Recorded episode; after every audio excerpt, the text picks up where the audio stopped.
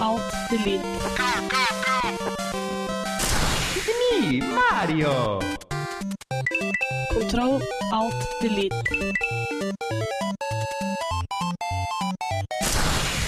Unable to comply.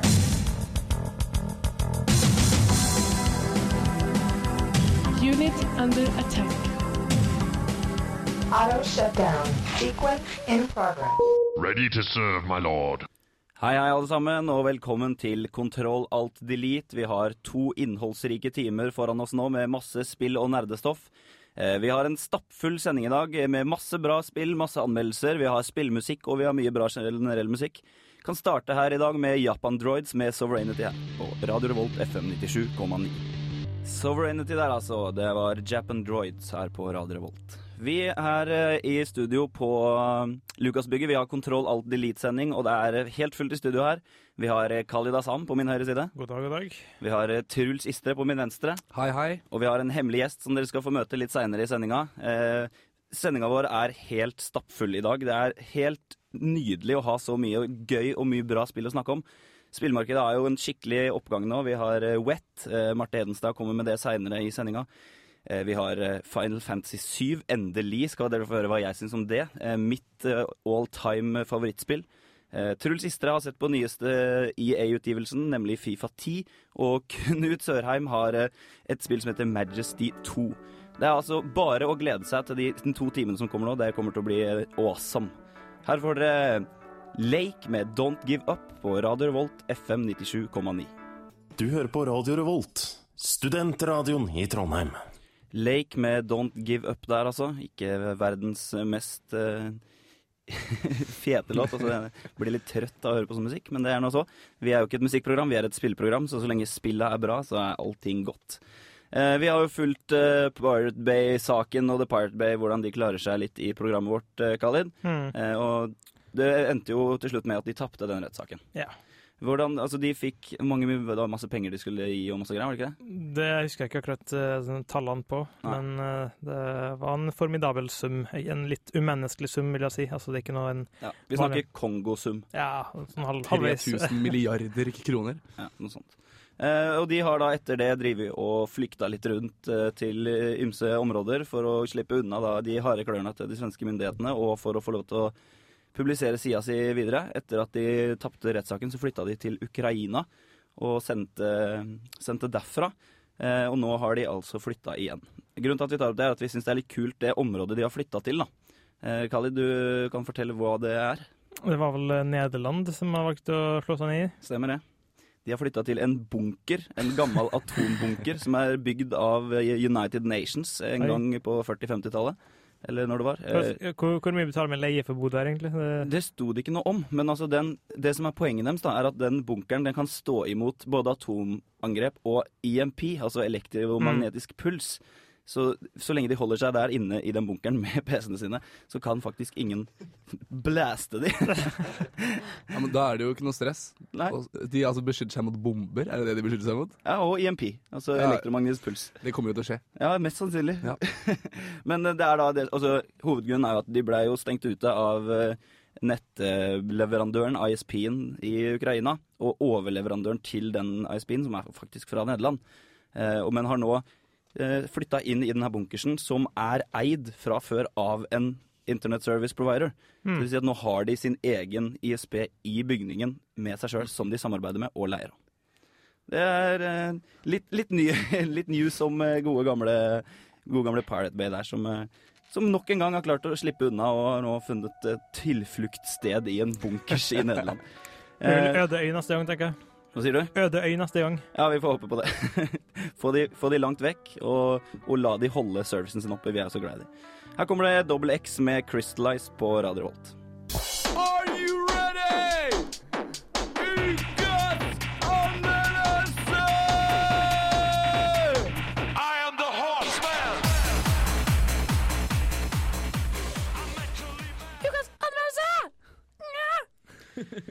Vi er klar for ukas anmeldelse her på Kontroll Dere hørte The XX med Crystallized, og så hørte dere Amanda Blank med Make It Take It.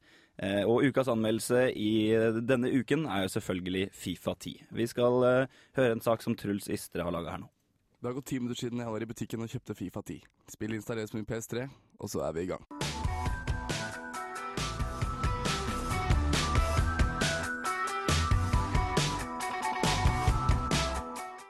Fifa 10 starter opp, og jeg sitter og lurer på om jeg har fått tak i feil spill. Er dette Fifa 09? Utseendet på menyen har ikke endret seg noe nevneverdig siden sist. For å være helt ærlig, så har det ikke endret seg i det hele tatt. Det er ikke dette jeg bryr meg om nå. Nå vil jeg spille.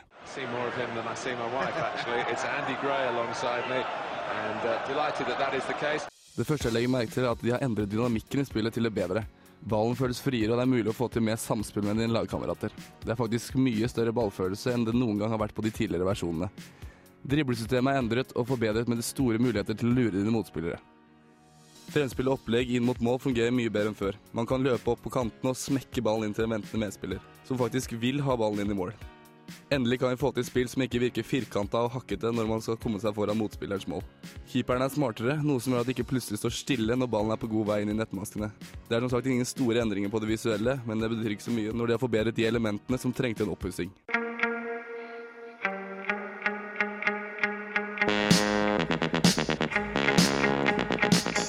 Når det kommer til multiplayer-delen av spillet, stiller det nok en gang opp med rak rygg og mange timer med både moro og god underholdning. Om det er sammen med kamerater hjemme i stua eller ukjente på nettet. Managerdelen av spillet føler jeg er unødvendig. Hvis jeg vil spille managerspill, så finnes det andre som gjør denne jobben mye bedre enn Fifa. Fifa 10 vinner på at de endelig har fått spillet til å føles friere enn sine forgjengere. Ballen er en ball, og spilleren har større kontroll over sine lag. Jeg skulle gjerne sett at det visuelle hadde fått en endring, men dette ødelegger ingenting når det kommer til selve Fifa-opplevelsen.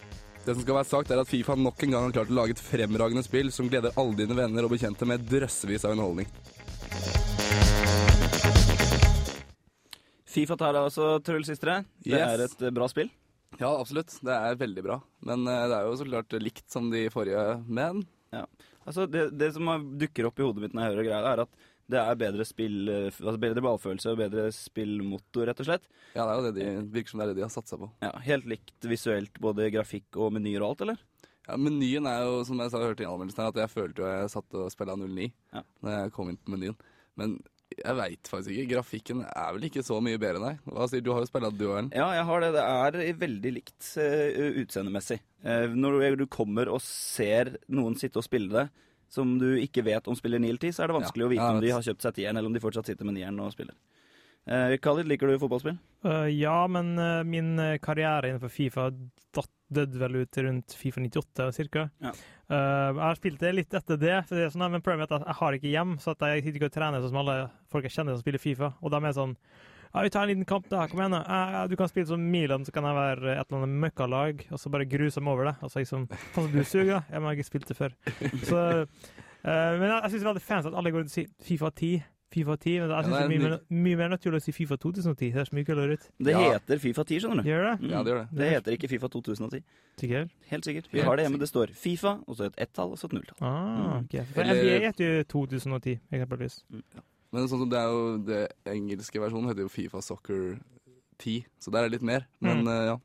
Men eh, altså, jeg har hørt noen av vennene mine som spiller, de sier at tieren er bra, men nieren hadde en viss form for sjarm som de ikke finner i tieren, så at de heller vil spille nieren. Eh, det er noe å identifisere, eller? Jeg vet ikke, det er jo Jeg kan like godt Jeg vil heller spille tieren enn nieren, fordi det er nesten helt likt, men bedre Det er, det er bedre spilleegenskaper. ja. Motorikken er mye bedre. Jeg, jeg kjenner ikke igjen det med sjarmen i det hele tatt. Mm. Jeg syns tieren er bedre å spille. En ting som også som ikke vil komme med i anmeldelsen, som Mm. eh, er forandra, er at uh, dommeren er smartere. Altså, Mm. Det er litt mer sånn obstruksjon blir dømt litt mer. Eh, og spillerne hopper over motspillere hvis de kommer skliende inn altfor seint. Mm. Istedenfor å liksom bare bli pløyd ned, og så blir det kort. Det er litt, det er litt mer intelligens. Altså det har, mm. har utvikla seg, rett og slett. Det var det. Fifa 10. Eh, har du noen karakter du vil gi på det, Truls? Jeg gir det en M, jeg.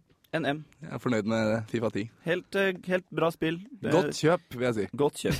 Gir deg det du er ute etter når du skal spille et fotballspill.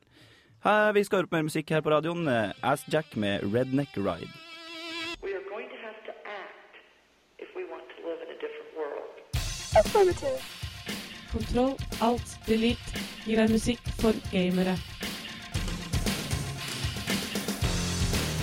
Initializing now. Kontroll, alt. Kontroll Alt Elite gir deg spillmusikk fra alle mulige spillsjangere og alle mulige tider. Det er Khalid Asam, selvfølgelig, som har dykka ned i arkivet sitt, som er det er helt, helt fullt. Det, det går ikke an å tømme det. Endeløst. Endeløst spillarkiv. Spillmusikkarkiv. Eh, og vi har jo snakka nå i tre-fire uker om at jeg skal få kjørt i gang noe Final Fantasy 7 Tribute. Eh, og det Mm. har jeg endelig fått gjort.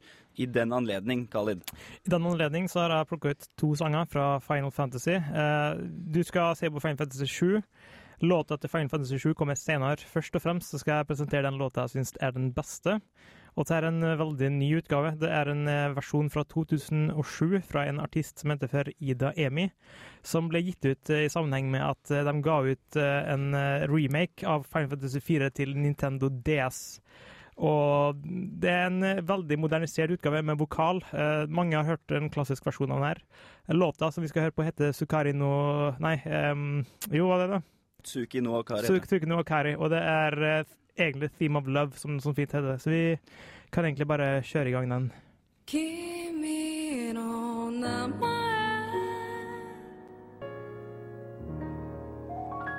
Tsuki no Akari, Final Fantasy 4. Jeg må samle meg litt her, det er eh, så vakkert. Jeg står med tårer i øynene. Eh, mens jeg tar meg sammen, så skal dere få høre Dirty Projectors med Temecula Sunrise her på Radio Revolt FM 97,9. Da har vi klart å ta sammen fra Final Fantasy 4-musikken som Khalid så vakkert brangt- bruk- brakte oss. Mm. Herlighet, krøll på tunga. Eh, det rørte også Dirty Project Projectors med Temekela Sunrise. Nå er tunga helt vill. Eh, vi skal snakke om Final Fantasy 7. Etter min mening verdens beste spill. Mm. Verdens beste spill. Ja. Dere skal få høre litt mer om hva jeg syns om det egentlig med en gang, så får vi heller prate litt mer om det etterpå. Her kommer den.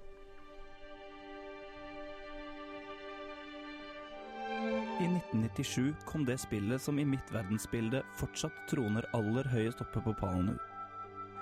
Når jeg sier at det troner aller høyest oppe, mener jeg altså at kombinasjonen av historie, spillbarhet og god stemning spillet leverer, treffer meg så midt i hjertet at jeg kommer tilbake til spillet gang på gang.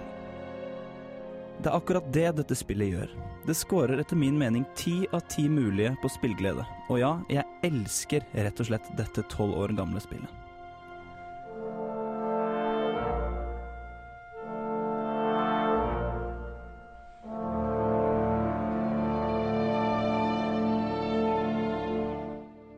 Eventyret startet altså sommeren 1998, da jeg hadde mitt første møte med Claude og de andre karakterene i Squaresoft sin nye storsatsing Final Fantasy 7.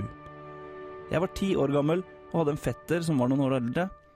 En egen PlayStation kunne jeg bare drømme om, vi hadde ikke engang videospiller hjemme hos mor og far. Men på gården til tante og onkel satt meg og mine to fettere i timevis med vid åpne øyne og tok inn japanesernes mesterverk. Halvannet år seinere, på tolvårsbursdagen min, åpna jeg med skjelvende barnehender en Sony PlayStation en sen høstkveld. Det var liten tvil om hva jeg skulle bruke den lille formuen jeg hadde fått i bursdagspenger til, og allerede dagen etter satt jeg forventningsfullt foran min Samsung 21-tommer og hørte den fantastiske intromelodien, komponert av selveste Nobuo Umatsu, skylle mot meg mens introfilmen rullet foran meg på TV-skjermen.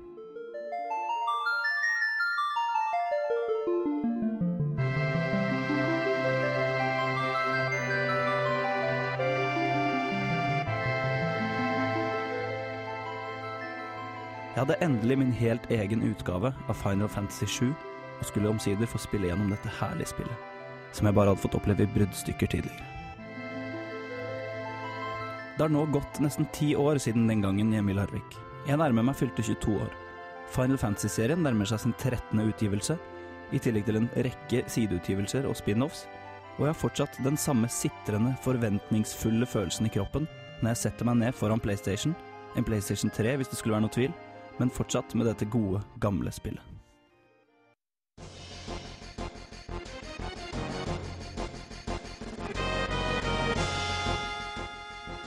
For de som ikke har spilt Final Fantasy 7, så skal jeg nå kort og greit oppsummere hva spillet er, hvordan det spilles og hvorfor spillet er så fantastisk. Men hvis du som hører dette ikke har opplevd spillegleden det dette spillet leverer, så blir det nærmest urettferdig ovenfor deg å skape et førsteinntrykk med en kort radioreportasje som denne. Har du ikke spilt spillet, foreslår jeg at du gjør det så fort som overhodet mulig. Men her kommer i hvert fall en kort forklaring på hva Final Fantasy 7, verdens beste spill, egentlig er.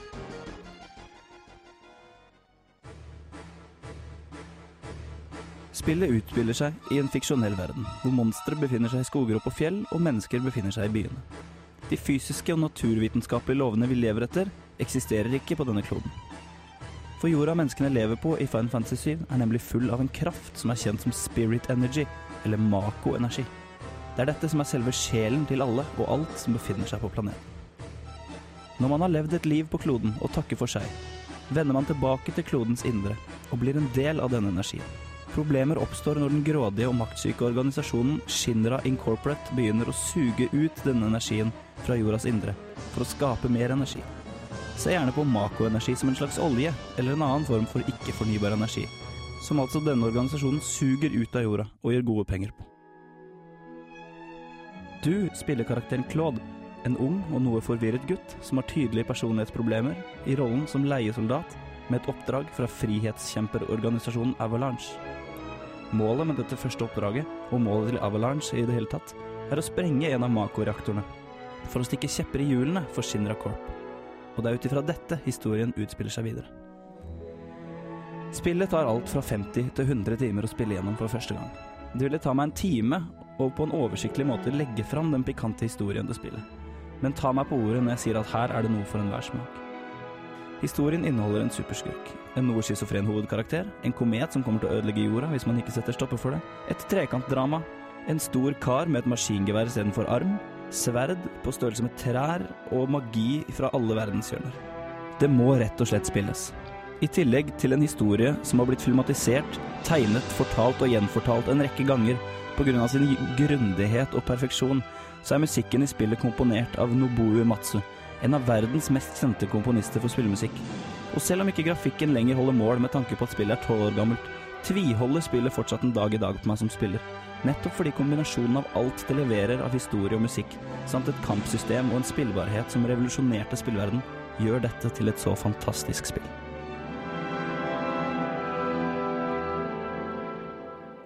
Ja, det var kjente toner fra en veldig stor komponist som også sto bak den låta vi hørte tidligere, som var veldig trist og ja, skal vi si Hva tenker du når du hører Følelseslada. Veldig ekstremt. Nobo Uematsu heter han. Eh, en av verdens største spillmusikkomponister. Mm. Eh, og han har laga musikken i de aller fleste Final Fantasy-spillene. Og da snakker vi om mange sanger. Det er tonnevis av spill med tonnevis av låter i hver av dem. Og det er mye, altså det, er, det er mye stemning i musikken. Det er veldig lik stemning. Eh, han har en, liksom, en særegen stil på musikken sin, men han er også, det er også mye forskjellig. Mm. Det blir ikke enspor. Eh, ja, jeg har jo veldig, sagt veldig mye, og jeg har jo så utrolig mye å si om det spillet her. Det er jo et spill som er så fullt av utfordringer og fullt av eh, underholdning, rett og slett, at det blir vanskelig å begynne et sted. Eh, Men altså, Truls, som, eh, som bor sammen med deg, eh, og du har vært ganske hekta på i siste. Ja. Hvordan er det å bo sammen med en fyr som er uh, veldig hekta? Jeg, jeg antar at han okkuperer TV-en. Ja, men jeg er jo med, jeg òg. Jeg har jo vært med å spille det, så Sett på? Ja, det er veldig gøy å se på, faktisk. Jeg har spilt i en ganske god del av det sjøl Mm. når, når vi har eh, Sorry. når vi har eh, spilt hjemme hos oss, da. Så jeg blir ikke irritert på at Erlend spiller Final Fantasy 7. Nei. det går ikke an å bli irritert på noen som spiller det. Det er altfor fett. Ja, hvis du har lyst til å se på et eller annet som går på TV, eller du har lyst til å spille noe sjøl, er det hvordan er det uh, Da skal jeg bare finne en save point. Ja, okay. Og det kan jo ta en times tid. Det, en, det har jeg faktisk ikke sagt noe om. Altså det, du må jo, en, I store deler av spillet så må du jo finne save points for å få lagra spillet. Mm. Og det er eh, Det kan være utfordrende til tider å komme Ja. til disse save pointsa. De er spredt ganske så godt utover. Jeg husker da jeg var liten og spilte det, og da var det sånn Hvis det ble litt for lenge, og så kommer mamma eller opp og bare 'Han må du slutte å spille'. Mm. Så, «Ja, jeg skal bare finne save point, og så er det liksom en time til ja, å finne save point. Men en morsom ting med Final Fantasy, altså jeg vet ikke hvor sant det er, men jeg er 90 sikker på at det er sant, og det er at det er et så stort merke i Japan at hver gang det kommer et Final Fantasy-spill, så får man fridag. Ja, jeg har hørt det òg. Det er fridag, altså for at det er ikke vits å ha åpent, for ingen skal møte opp uansett. Alle sitter hjemme og spiller. Ja. Jeg liker jeg skulle vært sånn i Norge òg.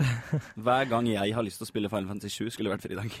Ja, men da- Khalid snakka om også at uh, han ville gjerne hatt fridag når uh, WoW Expansions kom ut. Ikke for min egen del, men for Nei, øh, jeg tror det vil Det gangen av samfunn. Det hadde vært i orden. En Bedrifts-Norge. liten, en liten grodag. Bedrifts-Norge tjener på det. Eh, en annen ting som er med spillet, er at det finnes jo så utrolig mange ting å gjøre i tillegg til historien Historien er jo perfekt. Det er jo, det er jo så intrikat og, og gjennomarbeida at du kan jo få gåsehud på gåsehuden. Men altså, det er så mange ekstra ting. Altså, du, har disse, du kan drive og, og breede de her sjokoboene. Du kan være i Gold Saucer, som er en sånn Las Vegas-lignende sted. Spille masse minigames. Du kan stå på snowboard, kjøre motorsykkel, liksom alt. Men en liten advarsel til folk der ute. Altså, det er sjangeren JRPG, Japanese Role Playing Ja. Game. Og dette er ikke spill du setter ned og blir ferdig med på uke.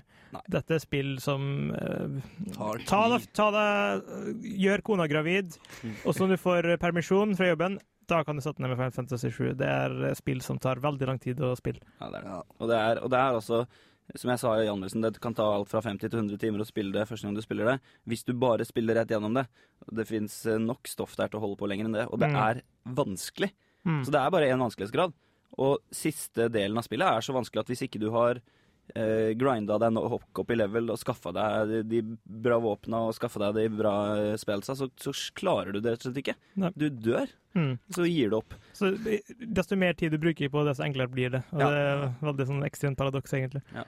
Så det er bare Det er egentlig bare å, å få tak i det. Altså, det, det er jo mulig å laste den ned nå fra PlayStation Store, Mm. for de som har PlayStation 3.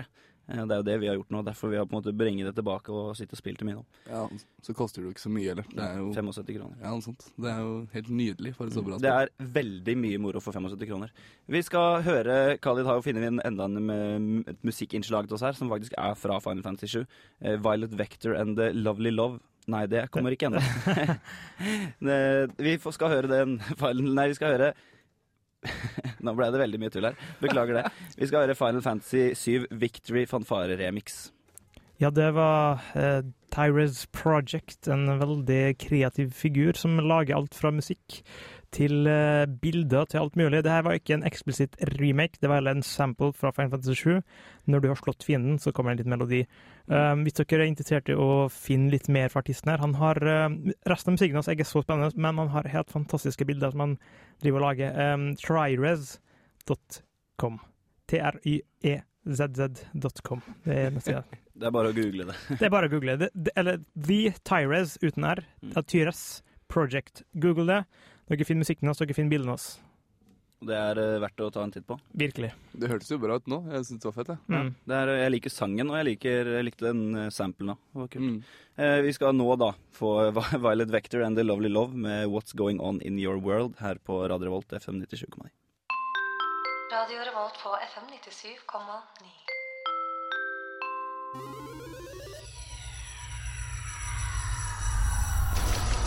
Good evening. The following newscast is of utmost importance to the security of our nation.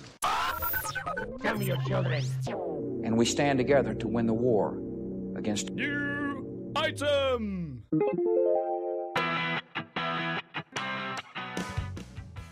Lurer du på hvilke spill som kom ut denne uka? Vel, da skal vi høre godt etter. Førstemann ut i uke 41 er Spore Hero og Spore Hero Arena til Nintendo Wii og Nintendo DS. I Spore Hero reiser du rundt i en relativt åpen verden og kjemper mot andre biologiske uhyrer i et forsøk på å redde verden. Spore Hero Arena legger derimot opp til et litt simplere premiss med et arenabasert system. Begge spillene blir lansert torsdag den 8. oktober. Evil has evolved. And now, so must you.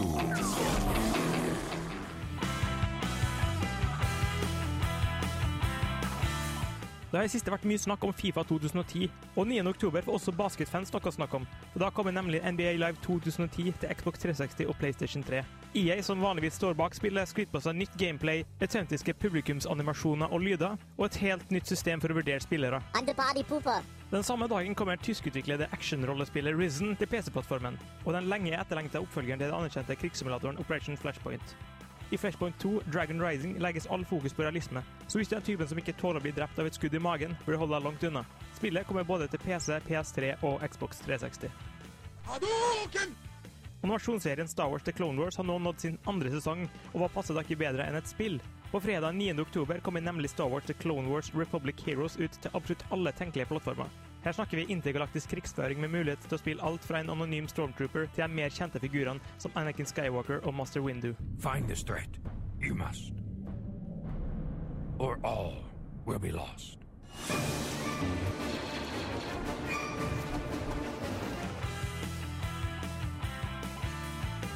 Det var den største titlene fra uke 41, og hvis du vil vite hva som skjer uke 42, så må du fortsette å høre på Kontroll alt delete.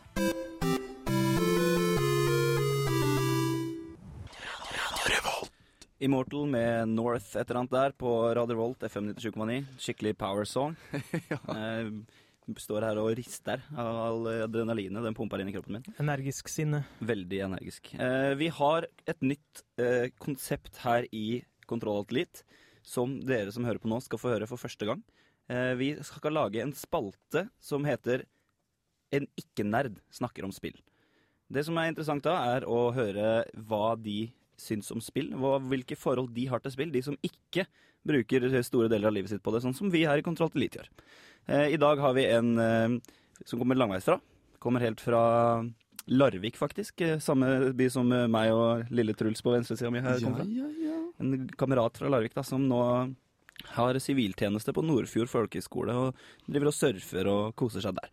Eh, vi skal først få lov til å høre litt, litt musikk. Etter musikken så kommer da vår gode venn Lars Monsen med hans tanker om spill. Her får du først Basement Jacks med Twerk.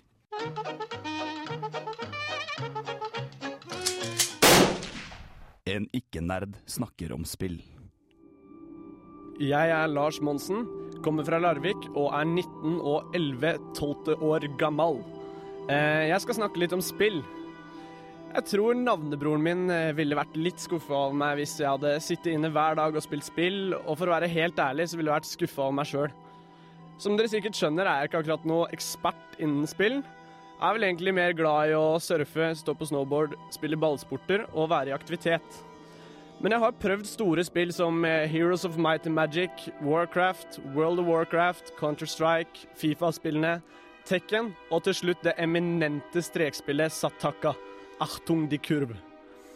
Jeg har vel aldri falt pladask for noen spill, men jeg kan se gleden folk har av å spille. Eh, For det er vel ikke tvil om at det kan være sosialt.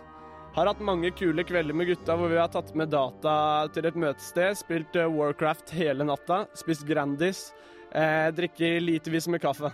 Det er jo en egen sjarm når gutta sitter sammen og trykker på tastatur, tastaturet så svetten renner.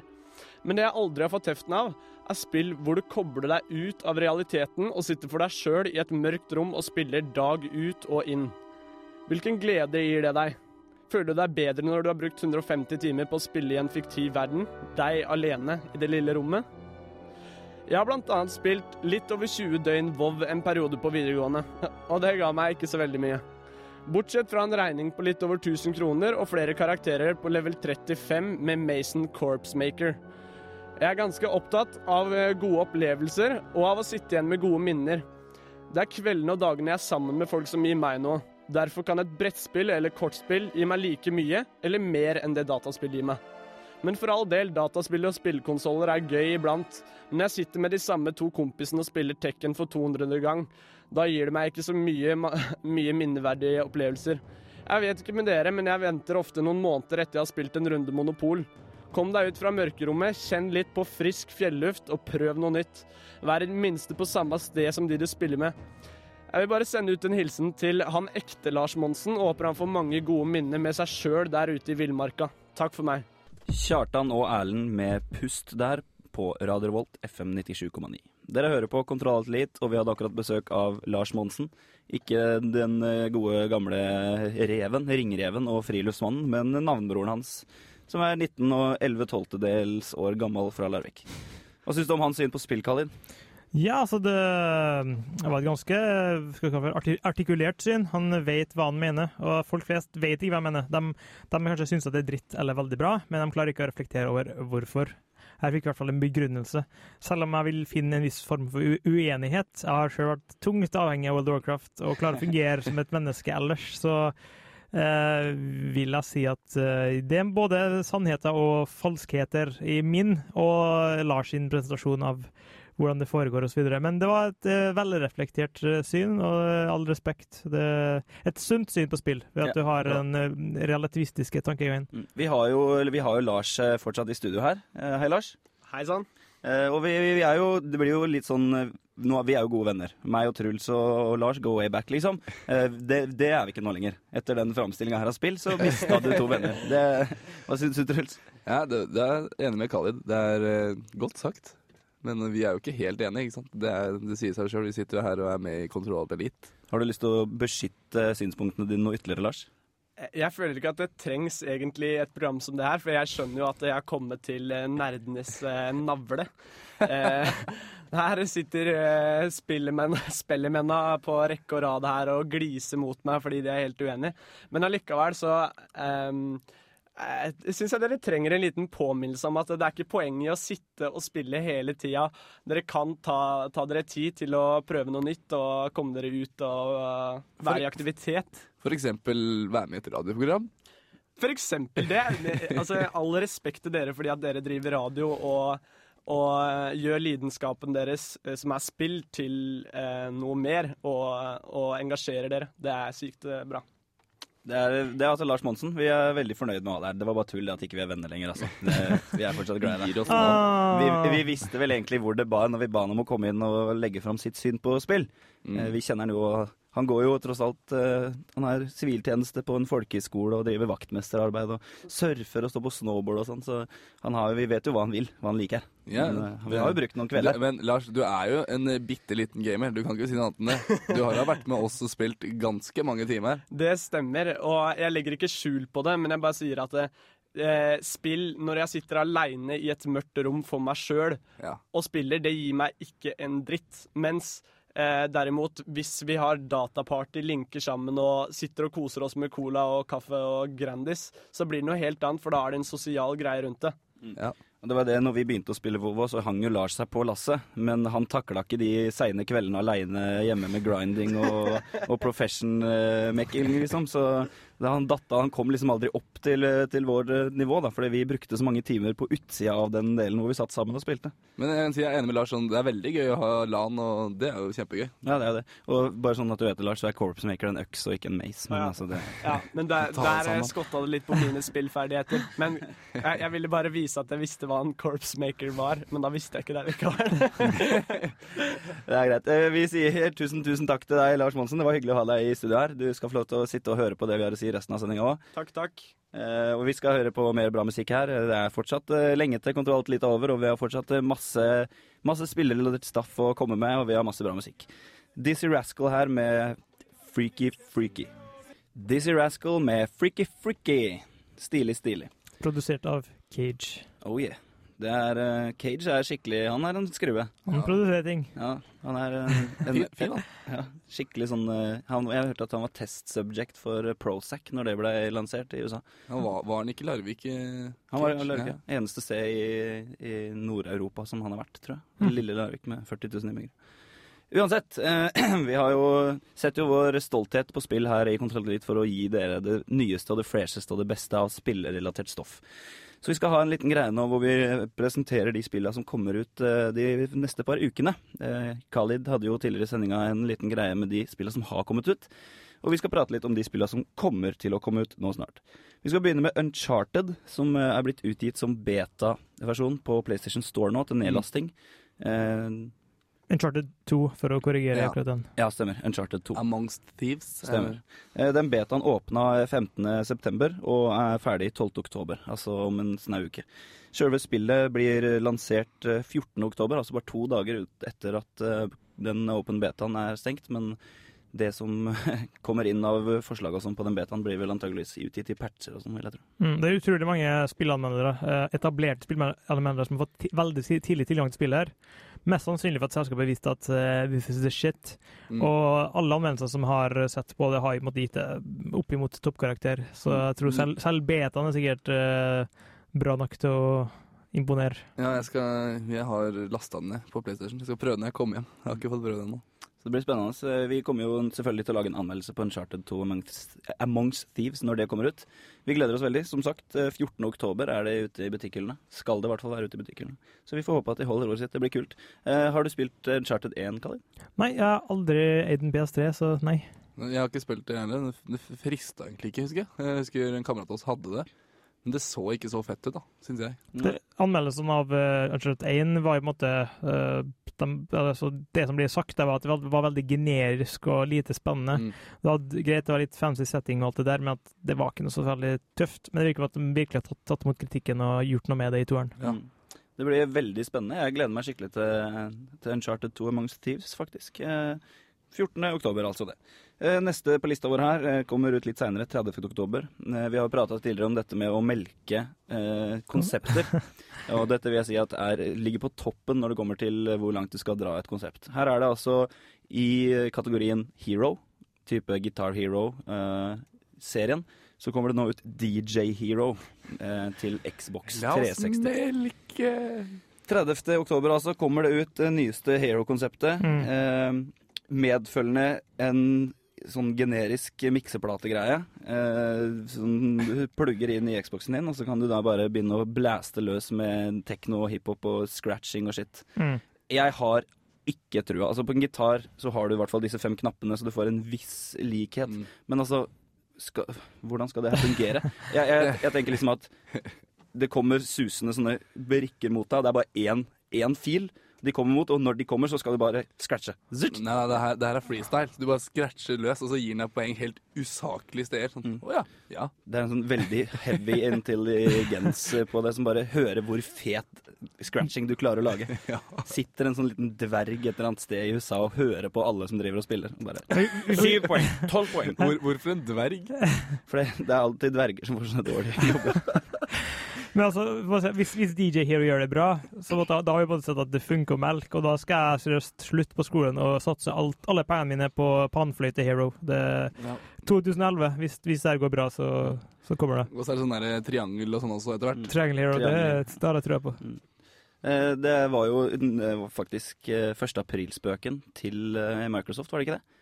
Eh, Det her med Dig... Nei, hva var det? En, sånn herre eh, sveitsisk blåsetuba-instrument-hero. eh, som de, de laga en helt seriøs trailer. Den finner du på nettet hvis du googler bare eh, rockband eller Guitar Hero, April's 1. april, Fool, April's ja. Fool, et eller annet. Finner hun. De har laga en skikkelig kul video. Der ser du liksom noen sitter og ser på TV, og så drar foreldrene, og så bare yeah! Kaster de vekk eh, fjernkontrollen, og så Ja, stemmer. Og så drar de fram de her syke plastikkinstrumenta med masse knapper på og driver og Helt forferdelig. Ikke kjøp det. Eh, I hvert fall ikke før du har hørt noen anmeldelser av det. Ja, det mener sånn eh, med hero-greiene. Kan de ikke satse på det de har gjort på Samfunnet? Lage sånn pisse-hero, er det ikke det de har laga der? Ja, stemmer det. Mm. Det må vi fortelle om. Altså, nede på Studentsamfunnet her i Trondheim så har de jo laga eh, Guitar Hero for pissing. Sånne, sånne kobberplater som du pisser på, og så kobler du sammen, og så blir det som å spille Guitar Hero med urinstrålen. Jeg var der i går og skulle prøve den, Mm. men uh, jeg fikk aldri, altså, jeg fikk aldri i gang spillet. Så jeg, kanskje noen hadde slått av spillet, eller så var det at jeg ikke pissa rett. Jeg vet ikke. Vi skal, vi skal prøve å få, få testa det ut neste gang og fortelle dere hvordan det her urin-hero funker. Se, se, se hvordan det går, går kommersielt. At det liksom, de lager det her skikkelig kommersielt. Det har vært helt rått, da. Urinal eh, Hero. Vi, vi beveger oss rett fra Hero til neste konsept. Et konsept vi er litt mer glad i innenfor FPS-sjangeren, nemlig eh, Call of Duty. Kommer med ny oppfølger nå, eh, 11. oktober. Mm. Det, det gleder vi oss til. World at War 2. Stemmer. World at War 2. To kommentarer. Mm. Jeg er ikke glad i singleplayer til Call of Duty, men jeg elsker multiplayeren. Ja, det er jeg enig i. Det er veldig gøy i online. Altså. Det er veldig gøy. Eh, spesielt på PC, syns jeg. da. Eh, jeg har jo gamle, gode CS-aimen i håndleddet fortsatt, eh, selv om det er mange år siden jeg spilte det. Eh, men jeg syns det er gøy å spille singleplayer på konsoll også, faktisk. For første Call of Duty som kom ut til PlayStation 3, digga jeg å spille gjennom på konsoll. Altså singleplayer. Men det er jo det der online-systemet det der med rankinga eh, eh, driver meg veldig, da. Når Mm. det kommer til online på Cold Duty. Mm, får nye våpen og nye muligheter. Mm. Siste spillet vi har på lista over kommende utgivelser i dag, er nye musikk-hacken-slash-spillet som Jack Black er hovedpersonen i. Mm. Brutal Legend. Og det er et spill som jeg har forhåpninger til. Det tror jeg er veldig mange forhåpninger til. Og det er et spill som ikke bare kommer til å tiltrekke seg gamere, men i alle hovedsak eh, musikkfolk, tror jeg. Mm, ja. Det er helt latterlig soundtrack med alt fra norske black metal-band til Kiss og ACDC. Ja, Det kan jo ikke bli dårlig i det hele tatt. Og du løper da rundt i heavy metal-outfit med nagler og det ene og det andre, og hakker løs på fiendene. Den konkrete historien er at det bare en roadie som av en eller annen mystisk grunn blir måte, teleportert til the metal universe, og så skal han liksom Det var det tida før metal, da, som må Mm. det, er, det, er flaks, det, det, det er både et mytos, altså det er måte den l- loristiske, og nådagens. Mm. Altså, eh, Brutal Legend 15. oktober kommer det ut på Xbox og PlayStation 360. Skal få litt mer musikk her på Radio Revolt. Eh, Jail med No Mindless Love. Kontrollt litt. Eh, fortsatt over en halvtime igjen. Vi håper du gleder deg, det gjør vi. Apparaten lukter weed. Escape, escape, kontroll av delete apati. Radio Revolt. Friendly Fires der altså med Kiss of Life. Eh, vi har eh, nok en gang fått eh, Lars Monsen inn i studio her. Eh, hvis dere hørte på hans lille monolog i stad, eh, så fikk dere vite at det spillet som han syns er best, det mest eminente av alle dataspill, det heter Sataka. Achtung, de kurve. dette, dette, dette er da et eh, veldig, veldig enkelt sånn Java-basert et eller annet spill, hvor du styrer noen streker. Ja. Eh, du styrer eh, Alle spillerne styrer hver sin strek. Eh, det kan ha opptil seks spillere. Og poenget er egentlig bare å ikke kjøre inn i hverandre eller veggene som er rundt. Det er nesten som Snake, bare at det er flere spillere, og det er veldig sosialt og intimt. Og du spiller seks spillere på ett tastatur. Det stemmer, og musa er også med. Musa også. Det, det er for veldig intimt, så det ble seks spillere bare trøkke seg sammen foran meg. bare. Veldig sosialt. Eh, vi har, jo en tendens til å snakke om nye og eh, nyskapende, freshe spill, men dette er altså et spill som er så gammelt og råttent at det finnes nesten ikke muligheter til å forklare det. Men allikevel så er det veldig høy underholdningsverdi, da, hvis jeg skal skjønne dere rett. Ja. For det, det som er greia, er at Truls og, og Lars eh, påstår at de har spilt det her ganske mye i timen og på datarommet i storefri og sånne ting som det er. Ja, på videregående det var mye av det. altså. Jeg har faktisk spilt det på storskjerm. Det er, det er heftig, altså. Det, Sataka Achtung di Kurve. kurve. Di kurve. Ja. Jeg, tror, jeg er ikke så veldig stødig på tysk, men jeg tror det betyr, betyr eh, pass på strekene. Eller advarsel. Pass deg for kurvene. Ja. Svingende, liksom. Ja.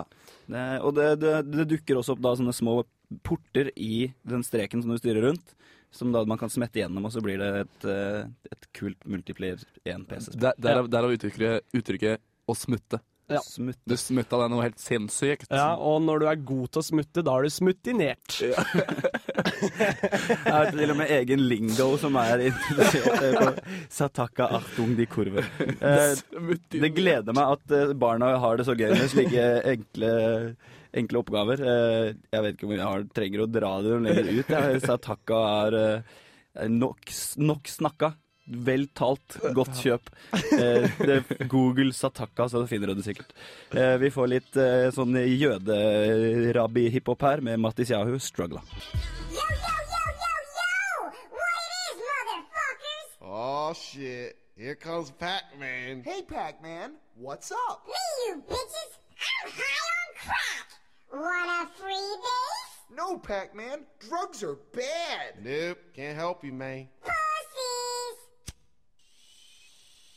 Whoa! Holy shit!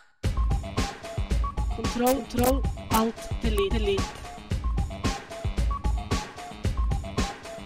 The Rural Alberta Advantage med The Death Bridge in Lethbridge der. Nå har vi fått eh, Knut inn i studio. Du kan si hei, Knut. Hei. Og han har laget en sak om Majesty 2. Majesty 2. Vi skal eh, kjøre den uten noe mer eh, Majesty 2 er et slags fantasy samtidsstrategispill. Jeg sier et slags fordi det har visse avvik fra spill jeg normalt forbinder med den sjangeren, både på godt og vondt. Spillet er sett ovenfra, og det har et sterkt militært fokus. Men detaljstyringen, som er vanlig fenomen i andre samtidsstrategispill, uteblir her. Dine helter har en sterk grad av selvstendighet. Den eneste måten å få dem til å foreta seg noe, er ved å utlove dusører i øst og vest. Fight! Me want fight! Som sagt er Majesty 2 et spill der hovedvekten ligger på kamp, og byen din blir hele tiden nedrent av alskens utysker. Fra den lokale kloakken tyter det ut rotter, og kirkegården spyr ut skjeletter. Drager setter fyr på tårna dine, mens kjemper hamrer løs på bondegårder til de står i lys lue. Dette hindrer selvsagt ikke den lokale skatteoppkreveren fra å gå inn i det brennende huset, mens bonden fortvilet hamrer løs på den falleferdige bygningen for å hindre total kollaps. Alle må bidra til fellesskapet. Og skulle man innføre en rovdyrpolitikk i tråd med politisk korrekte miljøentusiasters syn, ville det ikke ta lang tid før byen var nedrent av både ulv og bjørn. I, King Rat the Fifth, sovereign of the underground, commander of the Royal Murines, slayer of cats, I order you to supply my court with the finest cheeses. Fail to meet these demands, and your kingdom will die from a thousand tiny bites. Also, we have the plague. At helter og innbyggere har en sterk grad av selvstendighet er både et sjarmerende og irriterende fenomen. Etter at man har utlovet dusør på en fiende, gjelder det bare å krysse fingrene og håpe at rett mann går for oppgaven. Jeg har opplevd litt for mange ganger at en puslete liten trollmann gladelig går i nærkamp med en bjørn med døden til følge. Det er faktisk en forskjell på å være heltemodig og dumdristig. Enkelte fiender er man dessuten nødt til å bekjempe i team, og da er det ikke mer enn middels heldig at krigeren plutselig finner ut at det er morsommere å finne skatter enn å hjelpe sine kamerater mot en level 15 svart minotaur. Man blir også en smule indignert når healeren midt under slaget plutselig finner ut at hun skal til byen for å handle nye ting for penger hun har tjent. Greit nok at kvinner er glad i å shoppe, men det finnes en tid og sted for alt. All of you will become my servants. All of you will search for her forever.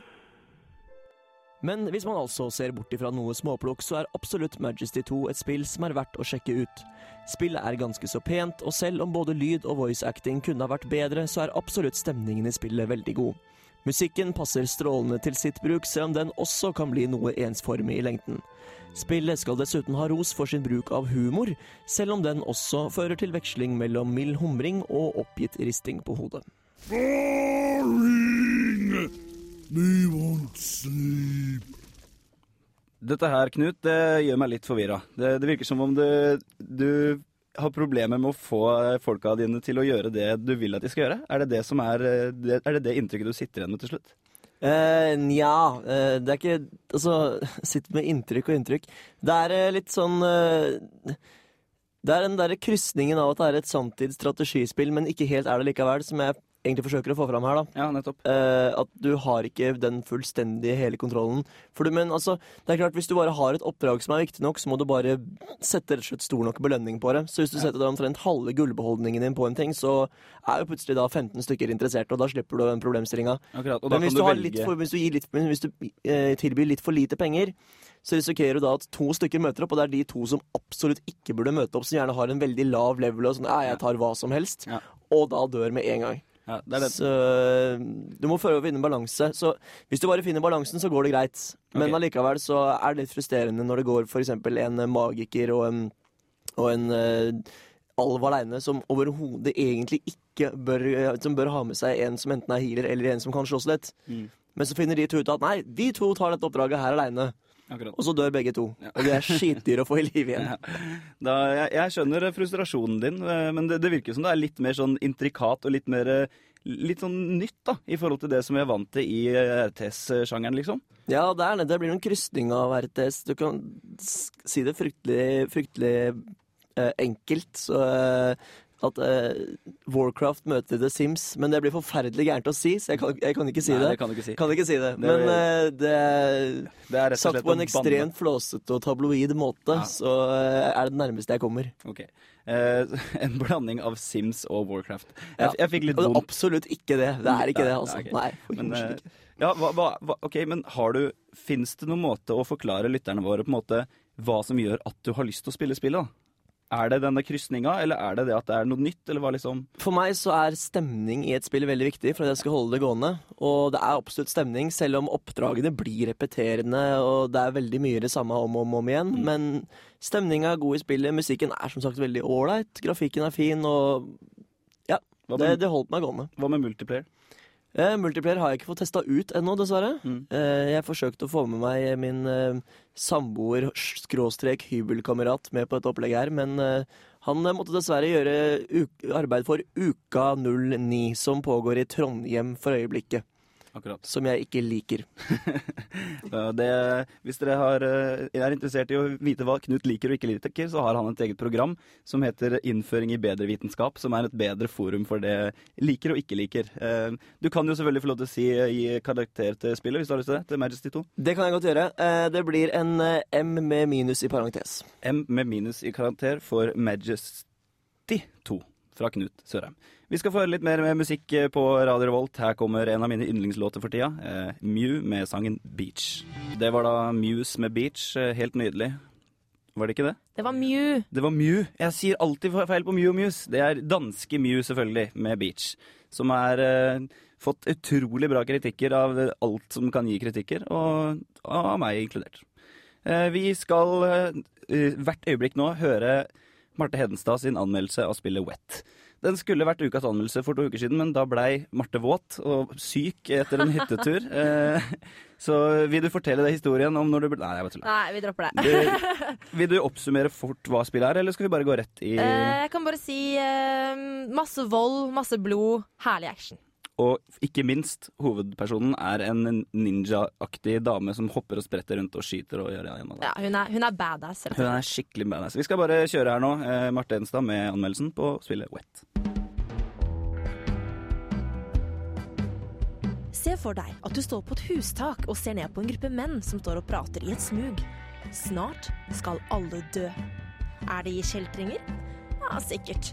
Men er de dårlige mennesker? Du aner ikke. Og du bryr deg ikke heller. Alt du vet, er at en feit bunke sedler venter når oppdraget er utført. Du går frem til brannstigen, slenger deg utfor, drar frem to gønnere og fyrer løs mens du sklir ned stigen etter bena. Du når snart bunnen og slipper deg løs, ruller rundt idet du treffer bakken, sklir bortover knærne mens du fyrer løs en ny runde. Blodet spruter, treffer deg i ansiktet, adrenalinet strømmer på. Du drar frem sabelen din idet du reiser deg og kutter opp den siste mannen fra navle til hals i én eneste bevegelse. Blod renner ut av munnen hans, og innvollene faller på bakken. Han rykker til, segner om. Du tar opp kofferten han holdt i hånden, tråkker over liket og går ut av smuget. Oppdrag utført. Here we go.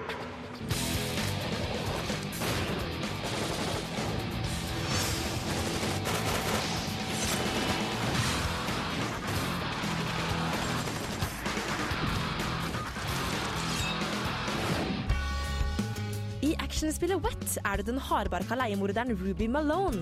Hun er tøff, kynisk, veldig sint og har ferdighetene til å slakte ti mann på to minutter. I løpet av spillet blir du introdusert til alle hennes akrobatiske ferdigheter, og snart løper du oppover vegger, svinger deg fra stolper, hopper og sklir bortover bakken, alt mens du fyrer løs en mengde skudd.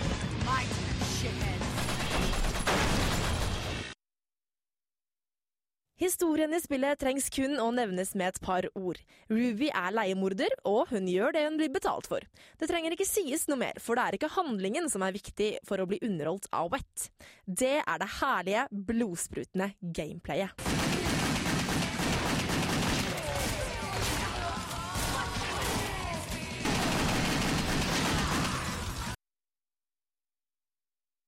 Ruby har forskjellige våpen du kan ta i bruk i løpet av spillet. De jeg imidlertid brukte mest, var de to pistolene hennes, selvfølgelig én i hver hånd, med innslag av litt heftig sabelbruk nå og da. Ruby kan bruke våpnene sine når som helst, men hvis du gjør noe akrobatisk, så skrus autotargeten på. Den ene pistolen finner automatisk det nærmeste målet, mens du med den andre kan sikte inn på det du selv vil. Dette gjør at du kan ta ut en hel haug med fiender på null komma niks. Og det ser dritkult ut, ettersom at alt går i sakte film når du viser dine akrobatiske ferdigheter.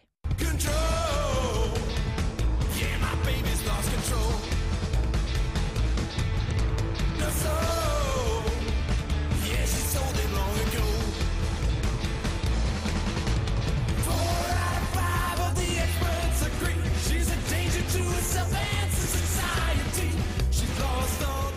kult element i Wet er de forskjellige sekvensene spillet byr på. På Woodys junkyard får du trening i å bruke de forskjellige våpnene du har, samt sikteferdighetene dine. Disse sekvensene er helt OK, men de kuleste sekvensene i Wet er arenafightene som avslutter hvert brett. Her befinner du deg i et avlukket område, og du slipper ikke ut før du har drept alt som rører seg. Rubys kropp må selvfølgelig ta imot en hel rekke skudd, og du må utføre komboer og diverse akrobatiske sprell for å få poeng, sånn at du holder helsa oppe. Disse arenasekvensene er utrolig underholdende. Du må drepe vanvittig mange fiender, og for å holde deg i live så må det se kult ut i tillegg. Velkommen til deilig action av første klasse. Det er så du nesten kjenner blodsmaken i munnen. She's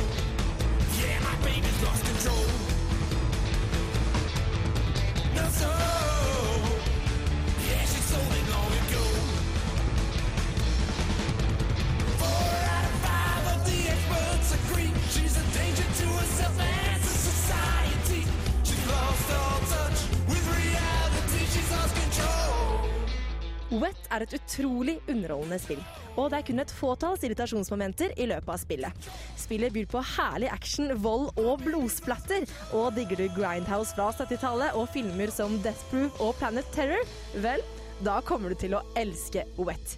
Løp og kjøp. Wet også, som eh, Marte Hedenstad har kosa seg med. Vi fikk litt tekniske problemer under anmeldelsen, så derfor så falt deler bort. Eh, Så Marte, det er beklagelig. Vi får spille den igjen neste sending. Også for de som har lyst til å høre hva Marte egentlig er god for, høre da.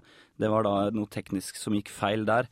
Eh, Men vi kan prøve å legge det bak oss nå, og så snakke litt om selve spillet, for det høres jo unektelig ut som et ordentlig stilig og voldelig spill. Det er eh, veldig, veldig, veldig kult. Eh, hvis du er glad i skikkelig, skikkelig bra vold med masse blod og gørr overalt, totalt kaos, så kommer du til å digge Wet.